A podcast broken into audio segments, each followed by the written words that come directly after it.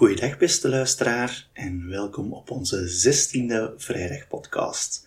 Fijn dat u ons weer gevonden hebt. Vandaag zitten we hier weer gezellig samen aan de tafel bij Herman thuis. We zijn hier Herman, Griet en ik, chef.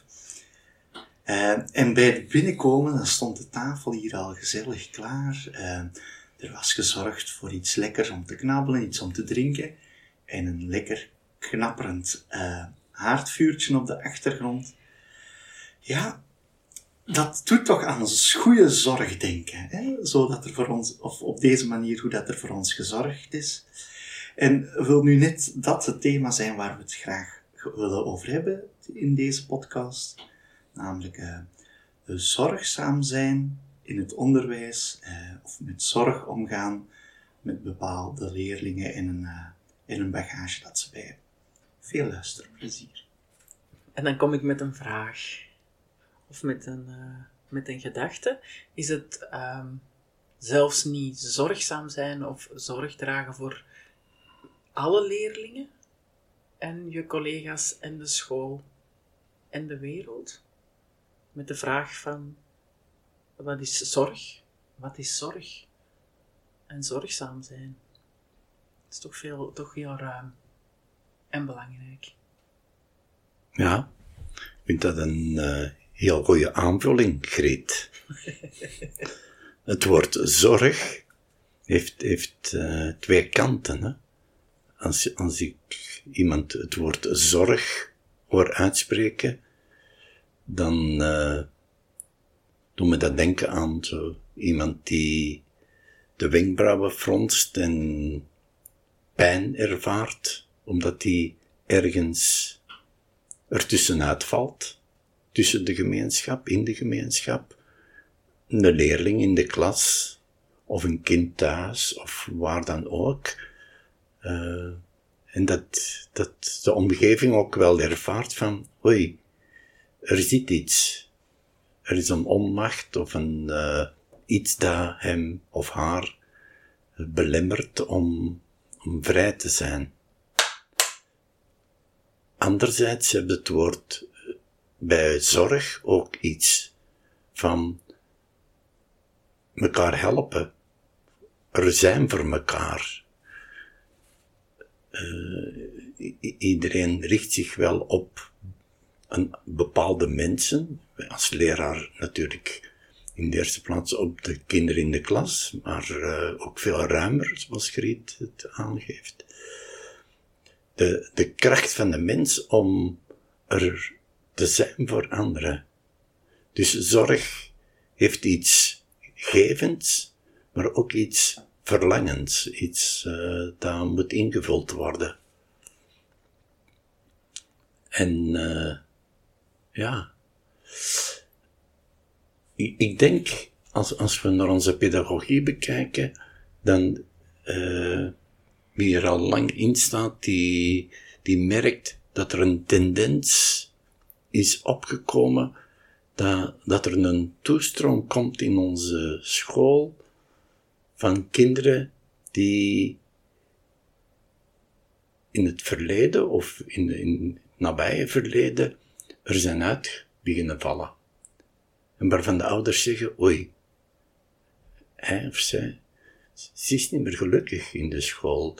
Laat ons nog een plek zoeken waar ze gelukkig kan zijn. En als wij dan zo kennismakingsgesprekken voeren hè, met potentieel nieuwe kinderen, dan uh, komt dat toch vaak naar boven.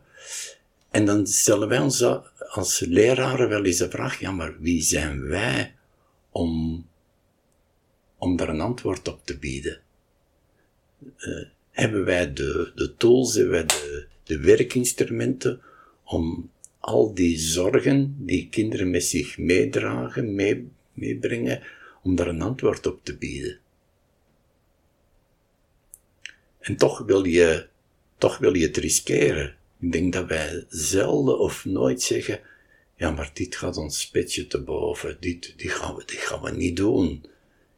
We hebben eigenlijk al nu de indruk dat, dat wij als school hier geen, geen oplossing kunnen bieden ik heb dat in mijn lange loopbaan zelden of nooit geweten.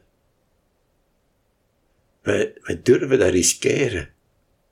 En we zullen soms achteraf moeten zeggen, ja, het was inderdaad te hoog gegrepen. We moeten dat eerlijk toegeven.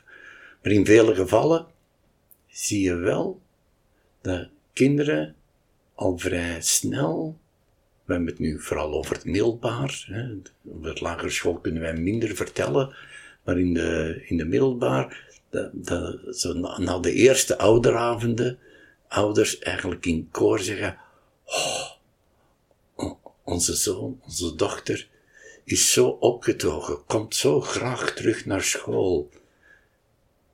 En dat vind ik al, al zo bijzonder. Wat is dat dan? Dat, dat kinderen zich heel snel thuis voelen in onze school. En ik denk dat dan hardop zo van, voor mij is de kern van zorg, of wanneer merk je dat er zorg is, als, als men eruit valt, als men, als men merkt dat men niet mee is, dat men een, een speciaal geval is. Op, en dat kan op vele gebieden zijn. Hè. Dat kan op zielgebied zijn, dat kan op fysiek gebied zijn, dat kan op kunstzinnig gebied zijn, dat kan van, van alles zijn. Sociaal is, vaak ook. En dan, ja, het eruit vallen vraagt dat, dat ze er terug bij worden genomen. En ik denk dat wij daar in onze pedagogie wel heel veel uh, op inzetten.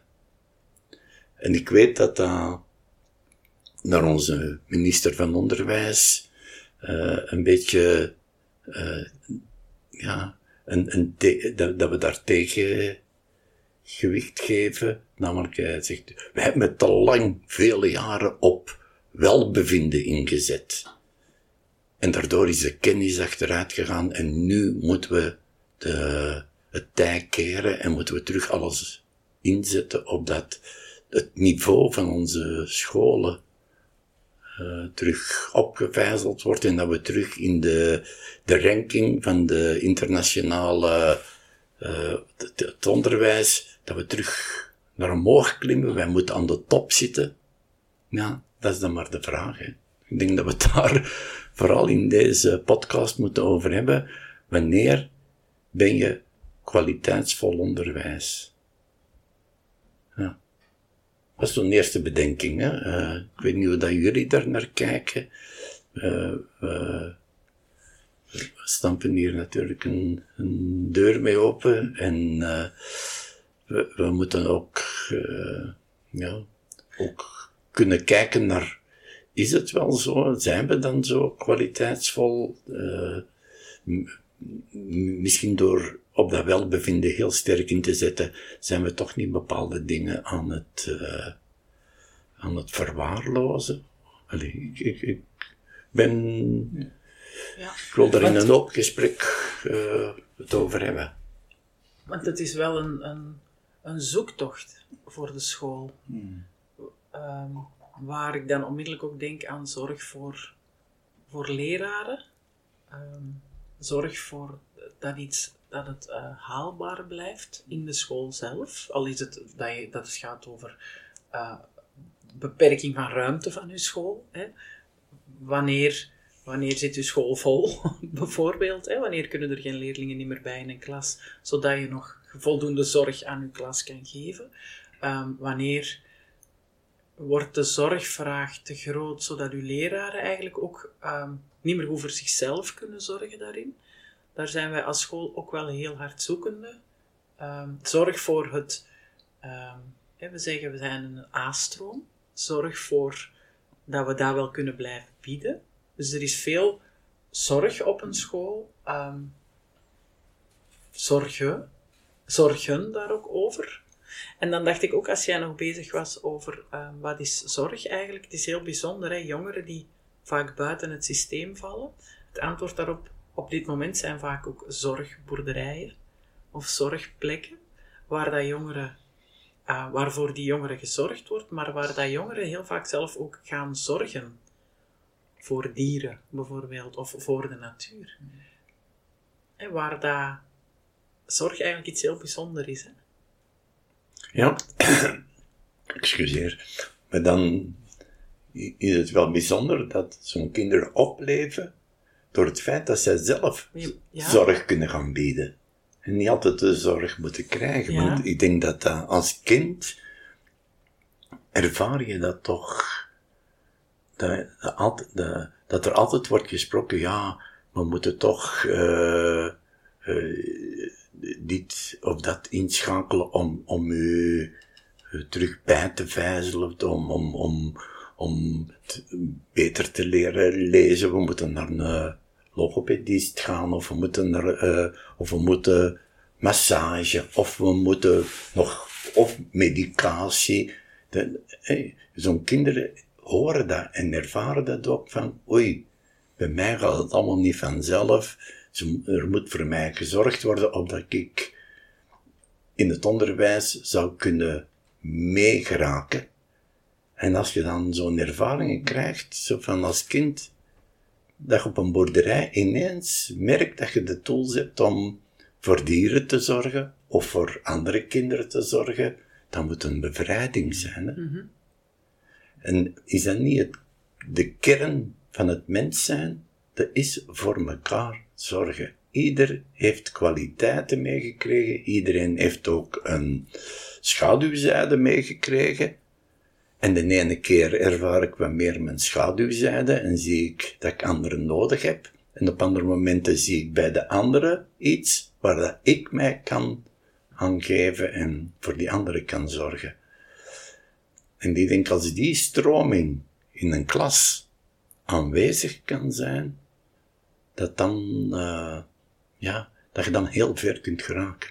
En wij hebben toch al een paar klassen gehad, waarvan we voelden van, hier zit wel wat, hier moet nog heel wat gebeuren, omdat die jongeren, als ze afstuderen bij ons op de school, na de twaalfde klas, dat die innerlijk vrij zijn geworden om te gaan kiezen, dat wil ik doen in de wereld, daar wil ik voor gaan. Maar dat is wel een lang proces soms, hè. Mhm. Dat is, eh, dat, we, dat we soms met de handen in het haar zitten als college, ook samen met de ouders op ouderavonden. Wat moet hier gebeuren opdat die kinderen vrij worden? En niet heel de tijd, ja, op mekaars eh, ziel zitten te trappen of, eh, of storend gedrag gaan vertonen of eh, wat dan ook. Maar daar haal je toch ook weer een aantal zaken aan, hè, Herman? Hè, samen met het college, op een ouderavond met ouders. Hè. Mm. Toch weer die eh, gedragenheid die wij ook al eerder in voorgaande podcasten hebben besproken, dat onze vorm van onderwijs toch ook eh, net wat anders maakt.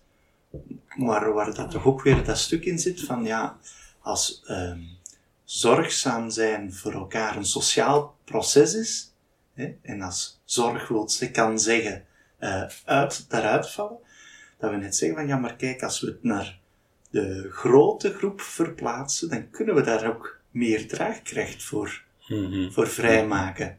Hè? En eh, ik hoor u daar net zo graag zeggen hè, dat, dat er zo op een eerste ouderavond klinkt van oh, mijn kind komt na jaren voor de eerste keer hè, terug met plezier van school naar huis. Ja.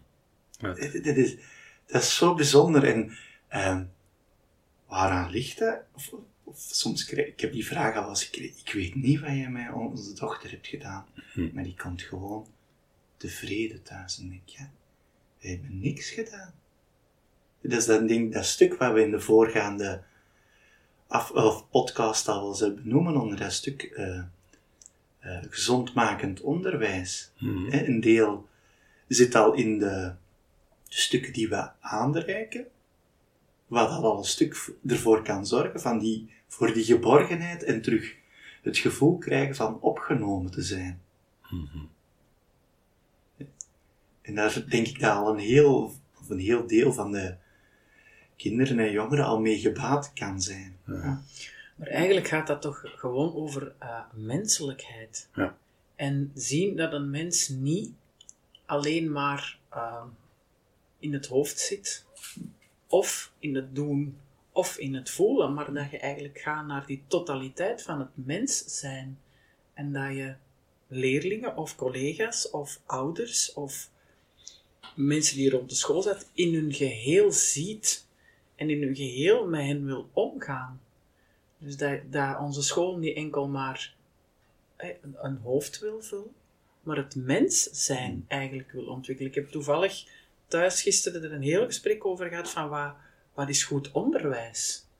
Uh, waar ik twee kinderen heb die in een traditionele school zitten, waar ik van die twee scholen ontzettend tevreden was, uh, omdat die dat heel goed gedaan hebben, maar waar, um, waar zij soms nog wel vastzitten in, ja, maar je moet toch mensen hun hoofd vullen. Dat is toch belangrijk voor hun toekomst en voor dat ze verder gaan studeren. Terwijl ik zeg, maar dat loopt niet altijd goed. Er zijn heel veel leerlingen die daar buiten vallen, meer en meer. En ik zeg, hen, naar mijn gevoel moet onderwijs erop gericht zijn om menselijk te zijn. En om de mens in ontwikkeling te brengen. En niet alleen een hoofd, want dat is gewoon te weinig. We merken in deze maatschappij dat dat niet meer voldoende is. Ja. Ik denk, kinderen moeten zich vanaf de eerste momenten aangesproken voelen. En aangesproken wil zeggen dat ze geraakt worden door datgene wat gebeurt, wat meester of juf doet in de klas. Daar moeten ze wauw tegen zeggen. Er moet enthousiasme zijn en niet het gevoel van, ah ja, we moeten dat zien, want dat staat in de, in de, in de leerplannen en we zullen morgen het vervolg doen. En dan zijn we van bladzijde 4 naar bladzijde 7 al opgeklommen. En we hebben nog heel wat te doen, want uh, ons boek is 210 bladzijden. En zo moeten we stelselmatig door een boek doorgeraken. Dat is een heel ander gevoel dan dat, er, dat elke les opnieuw een wonder wordt. En niet wetende wat er gaat komen. En zelf meester of juf weten het niet. En dat is dat menselijke waar dat jij over spreekt. Het menselijke ontstaat in het moment en is niet voorgeprogrammeerd in een boek. En dat wil ik ook weer niet zeggen van boeken zijn des duivels. Nee, uh, soms moet je kunnen beroep doen op ja. een structuur en op een methodiek die goed doordacht is, maar we mogen daar niet al onze heil in leggen. De kern van goede lessen is dat de dingen mogen ontstaan dankzij de vakkundigheid en de, en de menselijkheid en de gevoeligheid van, van, de, van de leraren.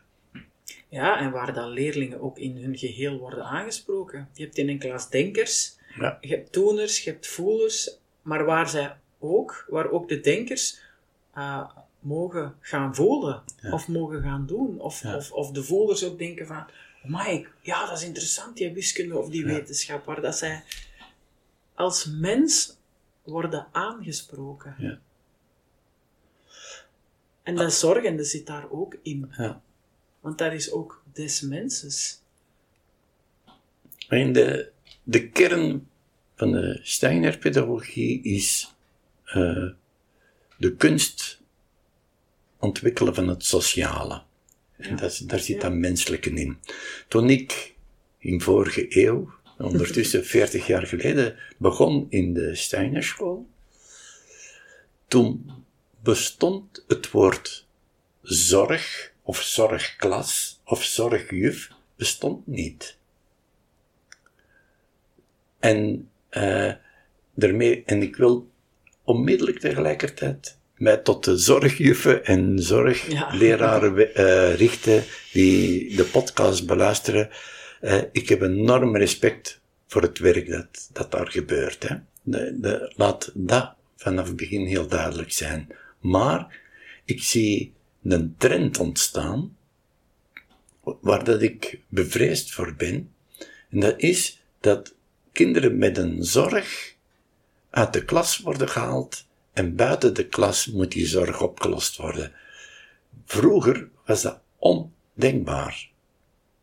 Uh, En ik wil niet te veel zeggen, vroeger was alles beter, maar we moeten wel de trend in doorhouden. Dat is dat uh, elke problematiek die, men, die we waarnemen, in de eerste plaats moet opgelost worden binnen de groep.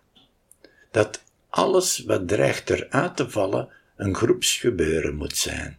En dat je uh, dan, als je merkt dat een bepaald kind bijvoorbeeld in zijn motoriek eruit valt, dan moet je oefeningen bedenken die je doet met de hele klas, ook al is dat vooral bedacht voor die ene jongen of meisje dat er dreigt uit te vallen, omwille van motorische problemen. Want in wezen heeft iedereen de potentie om eruit te vallen, alleen gebeurt vaak, maar heel zichtbaar op vlak van 1, 2, 3 kinderen. Maar uh, je, je, je kunt oefeningen doen. Ik, ik, bijvoorbeeld, een voorbeeld. Hè? Ik, ik zeg nu, het was in 1986. Ik herinner het mij heel goed. De jongen die in de klas, uh, het was tiende klas, en op het einde van de les blijft hij wat zitten. En ik zeg, allee jong, je mocht naar de speelplaats. En hij begint te wenen. Ik zeg, oei, allee, is het probleem? Ja, ik heb het gevoel van niet mee te kunnen. Ik zeg, allee, jij geeft mij zo'n uh, krachtige, sterke indruk. Wat bleek nu? Die jongen, dat was de allereerste keer dat ik geconfronteerd werd met het probleem van dyslexie. Dat was toen nog onbekend en onbespreekbaar. Zo van, ja, zegt hij, ik begrijp alles, ik kan het, ik versta het, maar om een of andere reden uh, komt er iets tussen dat mij altijd het verkeerde doet opschrijven en achteraf besef ik dat ik dat gedaan heb en ik zeg, waarom heb ik dat nu dat, dat, dat moet een moment zijn geweest dat ik er niet, even niet goed bij was, want ik weet dat het anders moet.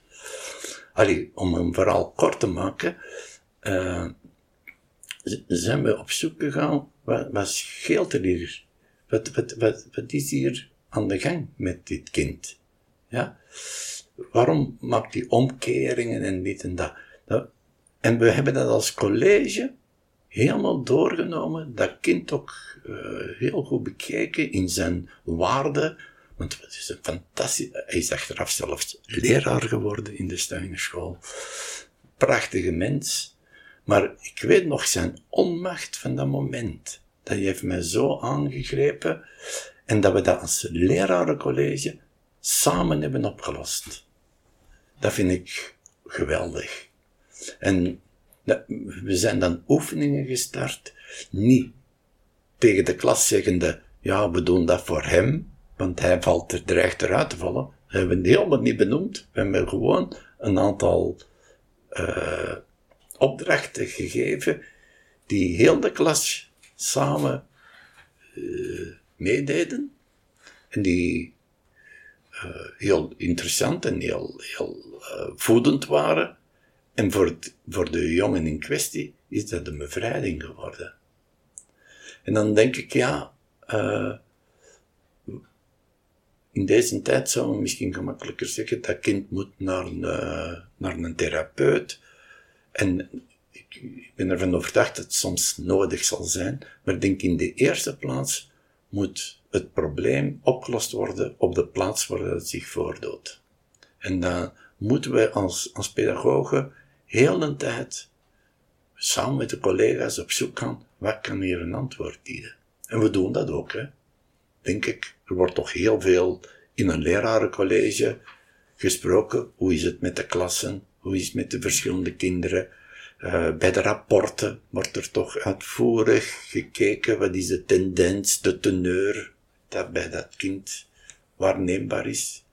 En, en waar kunnen we iets aan toevoegen? Waar kunnen we iets doen? Dus dat, dat is voor mij wel, wel opvallend als ik het over mijn loopbaan bekijk, dat, dat er meer en meer de zorg iets als problematisch wordt aanzien dat, dat buiten de groep moet opgelost worden. En ik hoop dat we daar wakker genoeg voor blijven, eh, dat we in de eerste plaats zien hoe kan de groep hier genezend zijn naar, naar die bepaalde problematiek.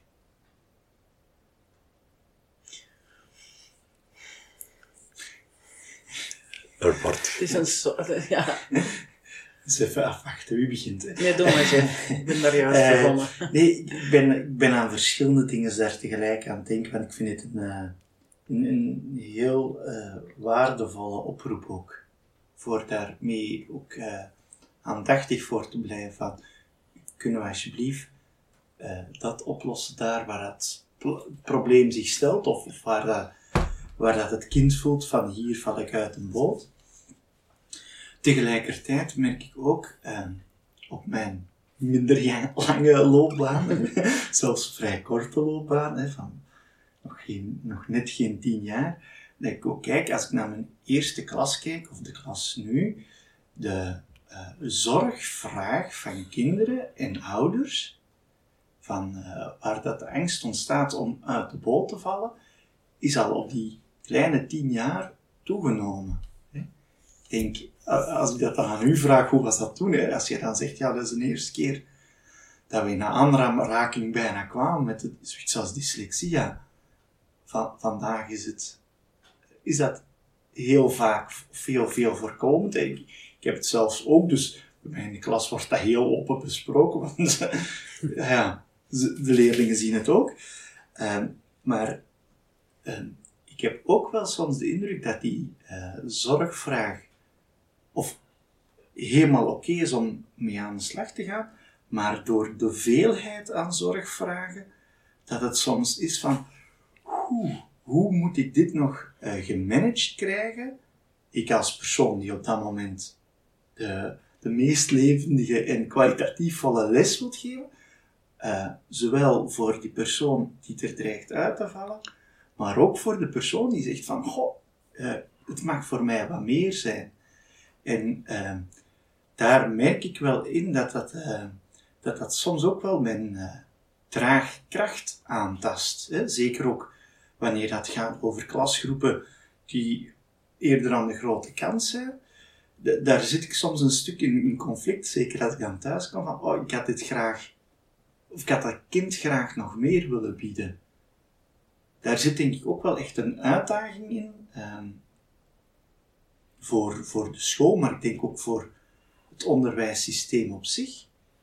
En dan bedoel ik echt onderwijs in het groot, van hoe kunnen we er juist voor zorgen en, en inderdaad met de wens om die kinderen binnen die klas, of binnen waar dat, dat probleem zich stelt, om het probleem daar op te lossen. Maar dat is een, een eh, ja, ik vind dat eigenlijk zelfs een maatschappelijk iets. Hè. Ja. Vroeger, vroeg, altijd vroeger. Is Ja. misschien niet oké. Ja, maar, Misschien ja, moeten we iemand heel jong op Ja, eens laten deelnemen maar, aan maar de vroeger, dat is het enigste waar je naar terug kunt Ja, dat is refereren. Dat Toekomst is waar, is, chef. Daar, daar kunnen we over denken. Er werd vroeger ook binnen de maatschappij veel meer gezorgd in groep voor elkaar. Vaak zijn, staan gezinnen heel hard alleen. En is de school de enige plek waar zij ook zorg kunnen krijgen voor hun kind. Waar dat vroeger oudere mensen, kinderen, eh, mensen met een beperking, er werd gezorgd, want er was altijd wel iemand die, die er was, die kon zorgen. En zorg werd ook gedragen. Ehm, waar dat wij voelen, zelfs in een school, kunnen wij als college alleen al die zorg dragen. En de maatschappij is erop gericht om eigenlijk mensen met een zorg zo goed mogelijk ehm, te integreren in de maatschappij. Er is geen enkel theater meer waar iemand met een rolstoel niet binnen kan. Hè, overal wordt daar ontzettend veel rekening mee gehouden, wat fantastisch is. Dus het lijkt of de maatschappij ontzettend veel zorg draagt, maar in, in praktijk denk ik dat mensen heel eenzaam zitten vaak met hun zorg. En dat wij op een of andere manier. Soms denk ik, oh, het zou zo fijn zijn als we nog meer met ouders kunnen samenzitten rond zorg. Met ouders rond de klasse kunnen staan. En we hebben dat We hebben dat, met mijn klasje hebben we dat echt gedaan. Hè. We hadden een spreuk ehm, die voor onze klas geschreven is door Herman, die wij eh, elke avond om 9 uur met alle ouders thuis, wie tijd had en wie eraan dacht, waar we die spreuk zeiden en waar dat we dachten aan die klas en aan de zorg rond die klas. En dat zal niet de het enige zijn, we hebben keihard daarmee gewerkt, maar we hebben samen de zorg voor die klas gedragen. Ja, ik denk dat uh, er een element is uh, naar voren getreden in de laatste decennia. Dat is het element tijd hebben voor elkaar. Eh, ik, ik, ik moet terugdenken aan die eerste jaren.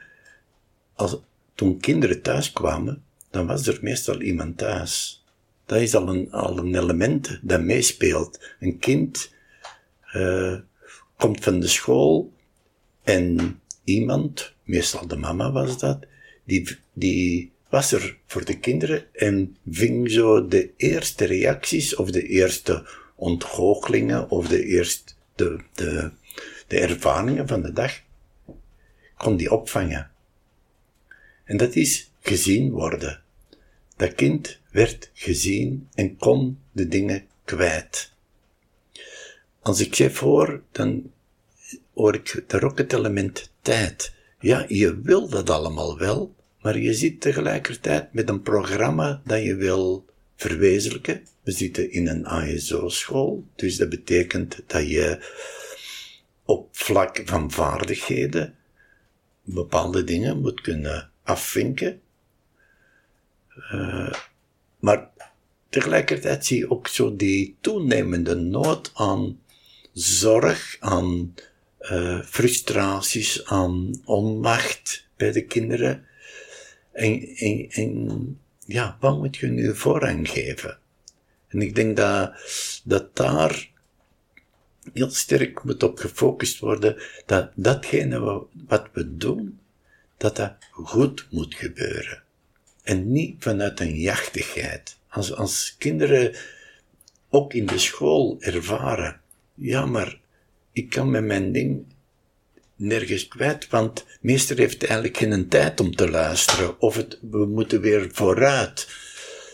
Ja, dan, dan, dan kweekt dat des te meer frustratie. Dus we moeten echt, denk ik, naar een onderwijs blijven gaan waarin dat tijd is om de dingen goed te doen. En dat kan soms het gevoel geven dat je wat moet afremmen en wat, wat, wat trager gaan dan misschien normaal. Het woord normaal is hier niet op zijn plaats, maar uh, dan dat je gepland had. Maar als je uh, die tijd even neemt om te zorgen dat iedereen mee is, ga je daarna des te sneller. Want als je altijd het gevoel hebt, ja maar, nu spreek ik wel tot een bepaald deel van de klas, en ik weet dat er een aantal niet mee zijn, uh, maar het moet nu een keer, dat geeft een onwaarschijnlijk onbevredigend gevoel. Er straks, nog voor de podcast, hadden Jeff en ik nog even een gesprek over de voorbije week. En uh, toen heb ik hem nog de stoute raadgeving gegeven van... het, het ging er eigenlijk over, ja, in zo'n intramurosweek moet je leerstof zien in de tijd van één week. En uh, dat maakt, als het dan een over een vak gaat dat ook een stuk beschouwelijk is, waar je theorie moet, moet gezien hebben, geeft dat wel een jachtige indruk. Zo van, en ook in de, in de late voormiddag en in de namiddag moet er ook nog theorie gezien worden. En ik wissel dat wel af met heel veel praktijk, maar toch is dat wel heel zwaar voor kinderen om in één week tijd de leerstof te zien van een jaaruur. En dan moet op het einde ook nog een test doen. Want je moet te weten komen of de leerlingen het gegrepen hebben. En ja, ik denk dat we naar vormen moeten zoeken die uh, de voor- en de nadelen van zo'n eh, intensieve week opvangen. En ik heb hem toen gezegd, ga, maar waarom? Want eh, ja, het was zo, chef zei, een aantal kinderen zijn 100% mee. Een ander derde deel kunnen wel mee, maar het is wat haperend en het had beter geweest dat we nog wat meer tijd hadden kunnen besteden. En dan een ander derde deel dat, gezegd zo, ga nee. Zo, zolang dat we praktisch bezig waren, was het goed, maar eens dat de inzicht er moest bijkomen, haken ze af. En dat is ik ken dat, ik ken dat gevoel. Ik heb het ook uh, ervaren in intramuros weken in een achtste klas of een zeven of zelfs een negende klas. Maar dan denk ik dat we moeten zoeken naar manieren waarop we die, dat een derde deel van die leerlingen het toch ervaren als een heel constructieve, voedzame week. En ik, ik geef nu maar een voorbeeld. Hè. Wat mogelijk zou zijn is, je sluit de week af met een groepstest. Je verdeelt ze in groepjes van drie, vier leerlingen. Je geeft ze pittige vraagjes van allerlei aard en je laat ze het samen oplossen.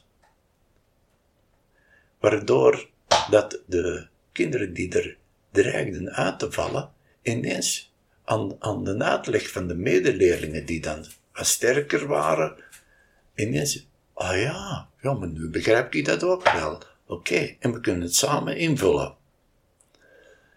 Ik bedoel maar, uh, ik denk dat wij nog meer gebruik kunnen maken, en de durf, hè, want uh, sommigen zullen zeggen, ja, maar zeg, is dat wel eerlijk?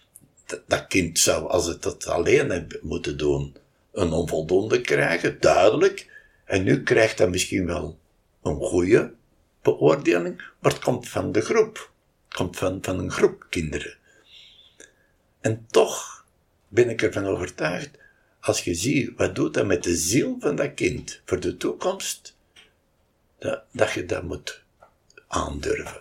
Ik geef nu, dat is nu maar een, een voorbeeldje, hè, dat, dat spontaan vanmorgen die mij opkwam. Ik denk dat wij dat moeten durven en dat de kritiek die er zou kunnen opkomen, dat je die kunt opvangen. Dat je kunt zeggen, ja maar, ja. het is een manier geweest om weer verder te kunnen met ook die groep die er dreigt aan te vallen. Ja, want ik denk ook echt dat we met, met de methodes die we hebben, we voelen echt dat, dat zijn evenwichten die we niet meer in balans krijgen, dat we, dat we naar andere dingen gaan moeten zoeken. En dat is proberen, maar dat is ook durven. En dat gaat dan niet over de zorg, maar wij hadden bijvoorbeeld een, een, een leerkracht. Leerkrachten Frans vinden is echt een probleem. Ehm, we hebben dat gelukkig uh, heel mooi kunnen oplossen. Maar dan was er bijvoorbeeld ook een idee van, ja, waarom niet, als we niemand voor Frans vinden, iemand Spaans laten geven. Hè? Ook een Romaanse taal, ze zijn taalontwikkeling aan het doen dat is spannend, hè, als je dat zou doen. Maar blijven vasthangen in wat er altijd allemaal al was en merken dat het niet, niet werkt, ja, dan, dan raak je nergens. Ja. Dus ik denk ook in die, in die zorg dat we moeten durven zoeken naar, wacht, er zijn veel meer zorgen om, rond leerlingen. Zorgen worden ook veel individueler. Ehm, welk antwoord kunnen we daarop geven dat niet in het in vroeger ligt? kijken naar vroeger van wat was daar goed, maar ook wat, wat is de vraag eigenlijk? Wat is de grote vraag die er ligt in al die zorgen? En hoe, hoe kunnen we daar een antwoord op bieden? Ja, en, en er, kan kritiek gegeven worden, want hè, er is, iedereen heeft zijn visie op opvoeding en op onderwijs.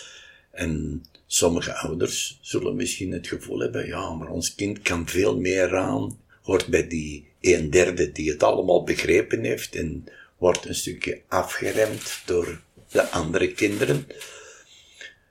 Maar ik denk als je, als je daar echt op doordenkt, dan is dat ook voor die kinderen een weldaad. Want die mogen schenken. Ja. Die mogen tonen aan de andere kinderen hoe goed dat ze het wel begrepen hebben. En uh, je legt er hier eigenlijk een fundament voor het latere leven. Want zij hebben gemerkt dat zij hun kwaliteiten hebben om anderen te helpen. Ja. Dat is toch geweldig? Ja, de twaalfde klas is nu op ideële stage. En ik, heb, uh, ik had het geluk van een aantal stagebezoeken te mogen gaan doen, waar ik bijvoorbeeld in Merksplas uh, een, de welzijnsschakel ben mogen gaan bezo om, uh, bezoeken die, die zorgen voor de voedselpakketten. ik was zo blij dat een van onze leerlingen daar stage had mogen doen. Het feit dat, dat zij zien dat dat bestaat, armoede, echt, in het dorp waar zij wonen. Maar het feit dat zij ook zien dat er ongelooflijk veel vrijwilligers zijn die week in, week uit zorgen dat er voedsel is, op zoek gaan naar voedsel, die pakketten maken, die mensen met heel veel liefde en warme, warmte elke week opnieuw ontvangen. En ik dacht echt, dit is eigenlijk een geschenk, dat je moogt zien dat mensen zo goed voor elkaar zorgen. En dat dat nodig is. Ja. Dus hetzelfde met die leerlingen die in die test mogen schenken, mogen geven, is gewoon ook een cadeau. Ja, ja, ja. En weten dat dat gebeurt. Ja, en, en, en, en dat je elk kind in zijn toestand, elk in zijn gezindheid vooruit helpt. Ja, je hebt, je hebt, je hebt er die mogen ontvangen en er heel dankbaar voor zijn. En ook die week kunnen afsluiten met een gevoel van, hé, hey, wij hebben dat goed gedaan, hè? Hoe anders moet het zijn van te vertrekken met, oh, ik ben eigenlijk maar een succulare, eigenlijk heb ik er niet veel van terechtgebracht. Terwijl dat, dat zo'n waardevolle kinderen zijn. En pas op, hè, ik wil nu ook niet pleiten om alles af te sluiten met een groepstest. Hè. Maar, uh, nee, nee, nee. Hè, de, de, de, en, en dat kinderen een stuk soms tegen de onmacht zullen aanlopen en hun beperktheden zullen moeten accepteren. Uh, ook dat is opvoeding, hè. Je moet, het, je moet het niet onder de mat schuiven en zeggen dat er geen probleem is. Hè? Maar het moet wel, het moet wel ademend blijven. Kinderen mogen niet, niet, niet beklemd geraken en, en niks meer durven en niks meer willen. Dus ja, het, het, het, moet in evenwicht blijven. Ja, en soms is goed zorgen, en dat vraagt ook moed, ook durven zeggen, we merken dat hier echt niet jouw plek is. Ja. We merken dat jij, door hier te zijn, keer op keer op keer moet beseffen, oh, ik kan het niet. Of ik kan niet mee, of ik begrijp het niet. En dat, daar wordt een kind ook heel ongelukkig van. En dan is het ook zorgen door te zeggen, Misschien is jouw plekje ergens anders. Misschien is er een ander heel goede plek waar dat jij wel kan stralen en mag ontwikkelen en jouw talenten kan laten zien als wij twee, drie jaar na elkaar merken oh, oh Garme, die doet supergoed zijn best, maar het lukt gewoon niet. Om een of andere reden. Hmm.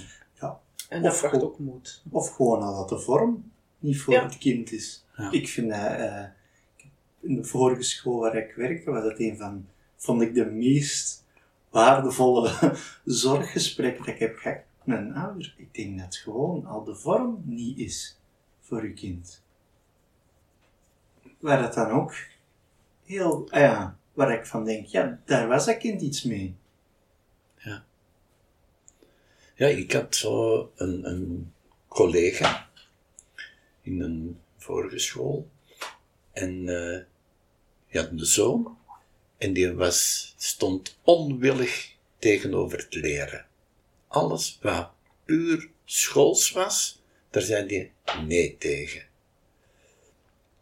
En ik, ik, ik vond dat toen al heel moedig van die mama, die dan volop Steiner-pedagoog is, om te zeggen van, ik, ik raak liever bij die onwil, en die heeft haar zoon uh, doen overschakelen naar een naar bijzonder onderwijs.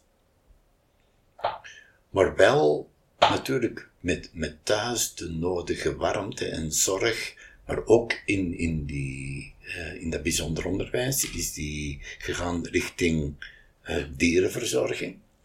Ja, wat wat jij ook al zei. Ja. Eh, en die heeft dat leren zorgen. Als ik, dat, als ik nu naar die man kijk, want ondertussen is die eh, een jaar of dertig, denk ik. Die heeft een eigen zaak, die een bloeiende tuin, eh, tuinaanlegzaak en, en verzorging van planten, tuinen eh, en, enzovoort. Geweldig. En hoe dat jij jongen in het leven staat. Ik kan er alleen maar enorm veel respect voor opbrengen. Maar die kon niet de weg via het denken gaan. Die moest vanuit de wil vertrekken, vanuit, van, van onder naar boven. En ja, die is in zijn denken, en dat is het mooie aan onze menskunde, een van de kernpunten in de menskunde, of van de kernzinnen staat, dat de kinderen die in hun denken slapen, dat je die niet rechtstreeks kunt wakker maken, Ja. maar dat dat via de wil moet gaan. Want eh, langs die ingang kun je ook het denken wekken. En dat heb ik hier aan de lijve kunnen zien aan deze prachtige jongen, die eh, helemaal niet in staat was om in een, nog maar fysiek in een, in een schoolbank te zitten. Kon die niet. Die was heel de tijd woest, die was kwaad, die was ontevreden. En als je dat merkt, ja, dan, dan moet je niet blijven treuzelen. Dan, er zijn, als als, als groep leraren en ouders, natuurlijk, ouders zijn daar natuurlijk in de eerste plaats eh, mee beslissend over, maar als je merkt dat iets zo diep geworteld zit, dat je dat in, vanuit het sociale niet kunt opgelost krijgen, ja, dan moet je, dan moet een oplossing zoeken buiten de groep. En die zijn er. En het, ik, ik denk ook het mooie aan dat bijzonder onderwijs is dat daar ineens tijd mag zijn. Dat daar niet moet afgevinkt worden. Ja. Dat daar, eh, ja, die, die, die gemoedelijkheid en die traagheid en die degelijkheid aan de dag mag gelegd worden, die wij een stukje hebben prijsgegeven in ons onderwijs, want alles is, moet getimed zijn, alles moet, eh, ja, heel de tijd, ja, Daar, daar spreekt ze toch ook over ontwikkelingsdoelen, hè? Ja. Zaken Ja. die je in beweging moet, of, of, of waar je het doel is om in beweging te brengen, en niet zozeer in iets van, en dat moet je net behaald hebben. ja, ja. Dat is, dat is wel, eh, Wat wij moeten afvinken hè, in het ASO-onderwijs, mag in het bijzonder onderwijs gedijen, rustig, eh, het een na het andere, maar degelijk. Hetgeen wat dat wij ook altijd zeggen in ons onderwijs, in het ASO, we willen degelijkheid. Maar eigenlijk is het toch wel jammer dat zorg ehm, de, botst of altijd zorg komt nadat er aan een bepaalde verwachting niet wordt voldaan. Dat is eigenlijk toch super jammer, want waar komt die norm vandaan? Ehm, waarom moet dat bijzonder onderwijs heten en mag dat niet gewoon zorgzaam of goed onderwijs heten? Want, want eh, er is zorg nodig als mensen niet aan een bepaalde verwachting voldoen, of aan een bepaalde norm. Misschien moeten we ook eens gaan kijken allemaal, waar moet die norm eigenlijk liggen? Ja. Het is jammer dat in bijzonder onderwijs mag ontwikkeld worden, niet gewoon onderwijs moet. En wat moet er dan ontwikkeld worden? Het denken? Eigenlijk is het fantastisch dat dat bijzonder onderwijs Ja. noemt. Ja, fantastisch. Of niet, hè? Ja, ja, maar in het woord bijzonder, Zonder, hè, ja, ja. Wat een bijzonder onderwijs mogen die leerlingen krijgen. Ja, waar de tijd en ritme en gezien worden en het, het doen vloeien van de kwaliteiten en niet van de onmachten. Ja. heel bijzonder. En ik denk dat wij dat ook wel willen. Ja. Ik denk dat wij van insteek diezelfde zaak eh, willen, willen doen, doen ontstaan. Maar dat wij natuurlijk, en op zich is dat ook niet erg, dat wij tegelijkertijd die andere kant moeten ontwikkelen. Ja, Want anders, denk ik, zou, eh, zou wel eens het tempo kunnen wegvallen. En, en, ja. Ja, er zit toch ook dat stuk in dat, we, dat je ook al vaak hebt gezegd. Het is, eh, als het te veel in het ene doorschiet, dan mis je het andere.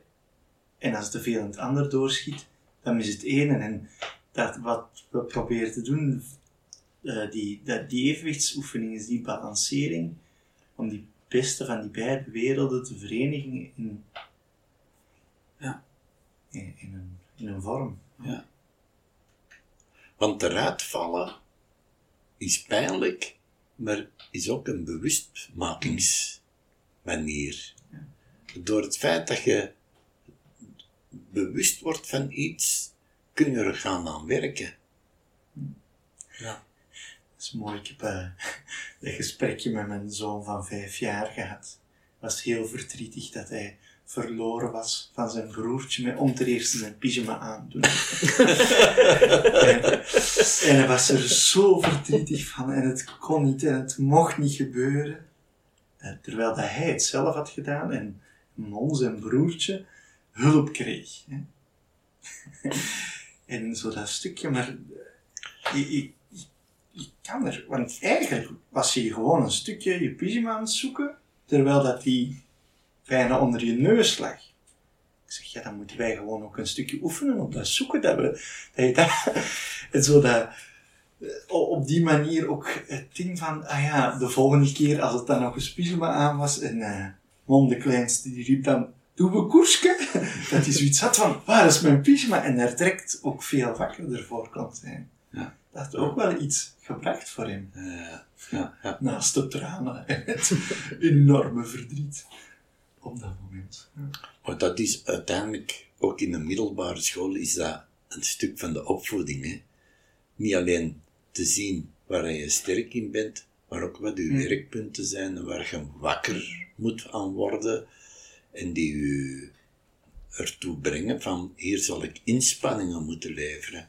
Dus we moeten, eh, we moeten zeker ons onderwijs niet, niet eh, banaliseren tot het, ja, dit moet nu wel iedereen Nee, kunnen. Hè? Hier mode, als je hier nog uitvalt, ja, dan, dan is er echt wel een probleem. Nee, je mag de lat hoog leggen.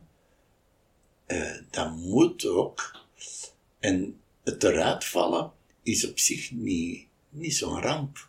Alleen mag je er niet blijven in hangen en moet dan niet fatalistisch worden, maar moet je in dat wakker worden ook op zoek gaan en er hulp voor krijgen eh, van hoe gaat het ermee om?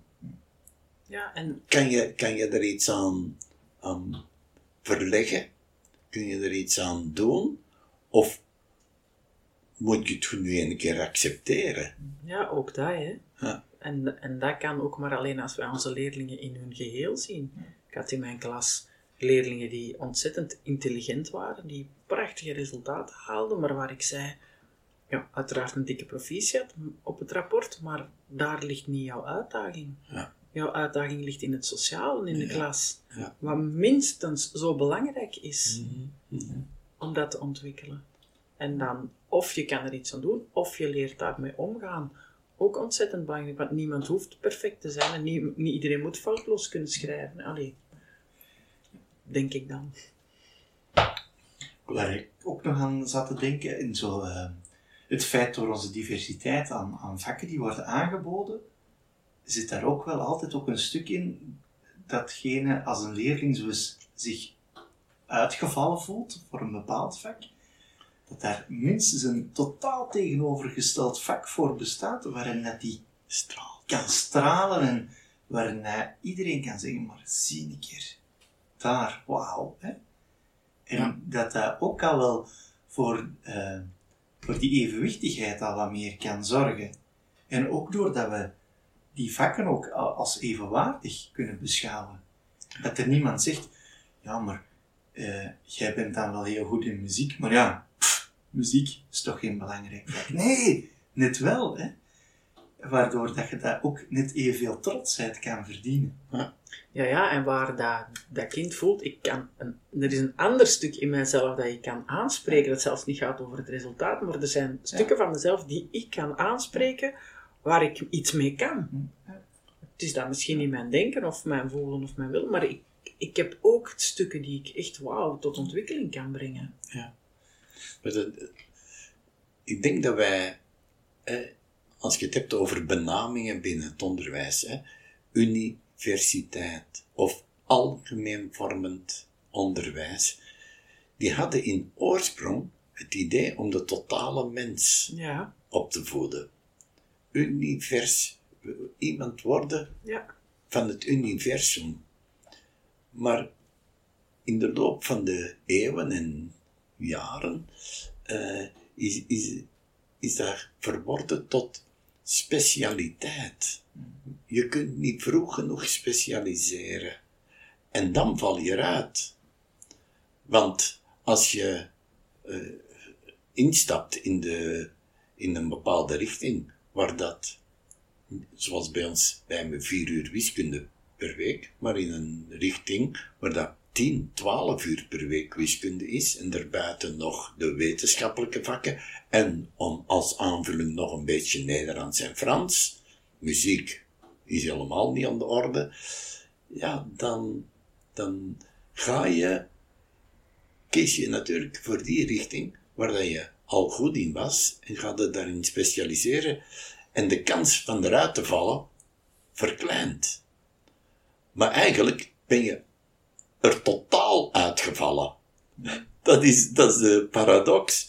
Je kiest om er niet uit te vallen, dus ga je in de richting die bij u al ontwikkeld is, en al de rest wat bij jou niet ontwikkeld is, dat schuif je aan de kant. En je gaat met een gevoel door je middelbaar van, zie eens wat ik kan. Zie eens wat een prachtig rapport.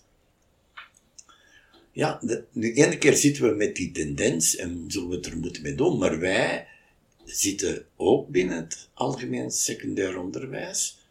En wij hebben er net voor gekozen om in geen enkel vak te specialiseren.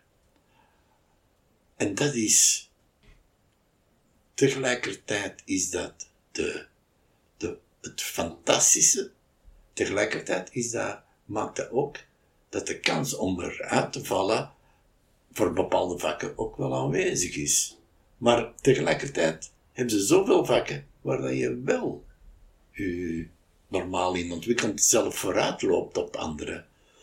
Dus ja, zo zie je maar. Het hangt toch heel veel vanaf hoe sta je tegenover ontwikkelen. Hè?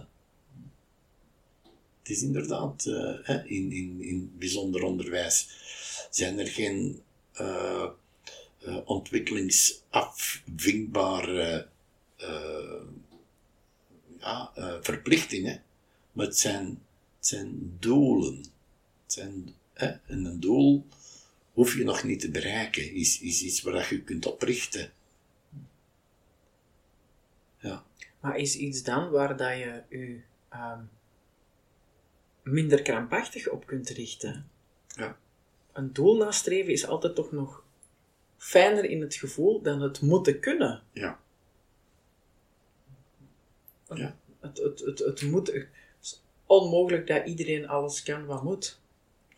Lijkt mij als ik het allemaal bekijk. En onze samenleving wordt helemaal gericht op het kennen. nog altijd word je gemeten aan de kennis en het, de, de, het soort diploma dat je gehaald hebt. Terwijl de hele eh, vakbekwame klusjesman die bij u in huis komt en het probleem komt oplossen, zo'n bewondering moet krijgen. En misschien in, in zijn loopbaan veel keren heeft getwijfeld aan zichzelf. Maar door de, dat is ook zorg, hè. Een, klusjesman is iemand die zorgt. Dat is absoluut waar, Herman, uh, wat je zegt van die klusjesman. Um, zullen we misschien uit zorg voor onze luisteraar stilletjes aan afronden? Volgende keer zullen we eens gaan kijken hoe we als opvoeders, want ik vind het ook wel interessant, als, als pedagogen, als leraren, zorg kunnen bieden aan bepaalde types van klassen, groepen van klassen, en misschien ook wel aan bepaalde uh, types of, of vormen van leerlingen, zoals de temperamenten of de zielentypes, dat we daar eens naar kijken. Prima. Ja, Is dat ja. goed voor jullie? Oké, okay. um, beste luisteraar, dank je wel om hier weer met ons samen aan de tafel te zitten. Um, met een lekker warm vuurtje.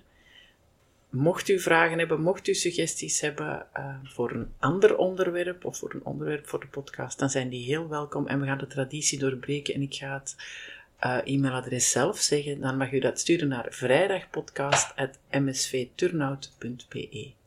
Dankjewel voor het luisteren en Herman en Jeff, tot de volgende. Tot volgende keer.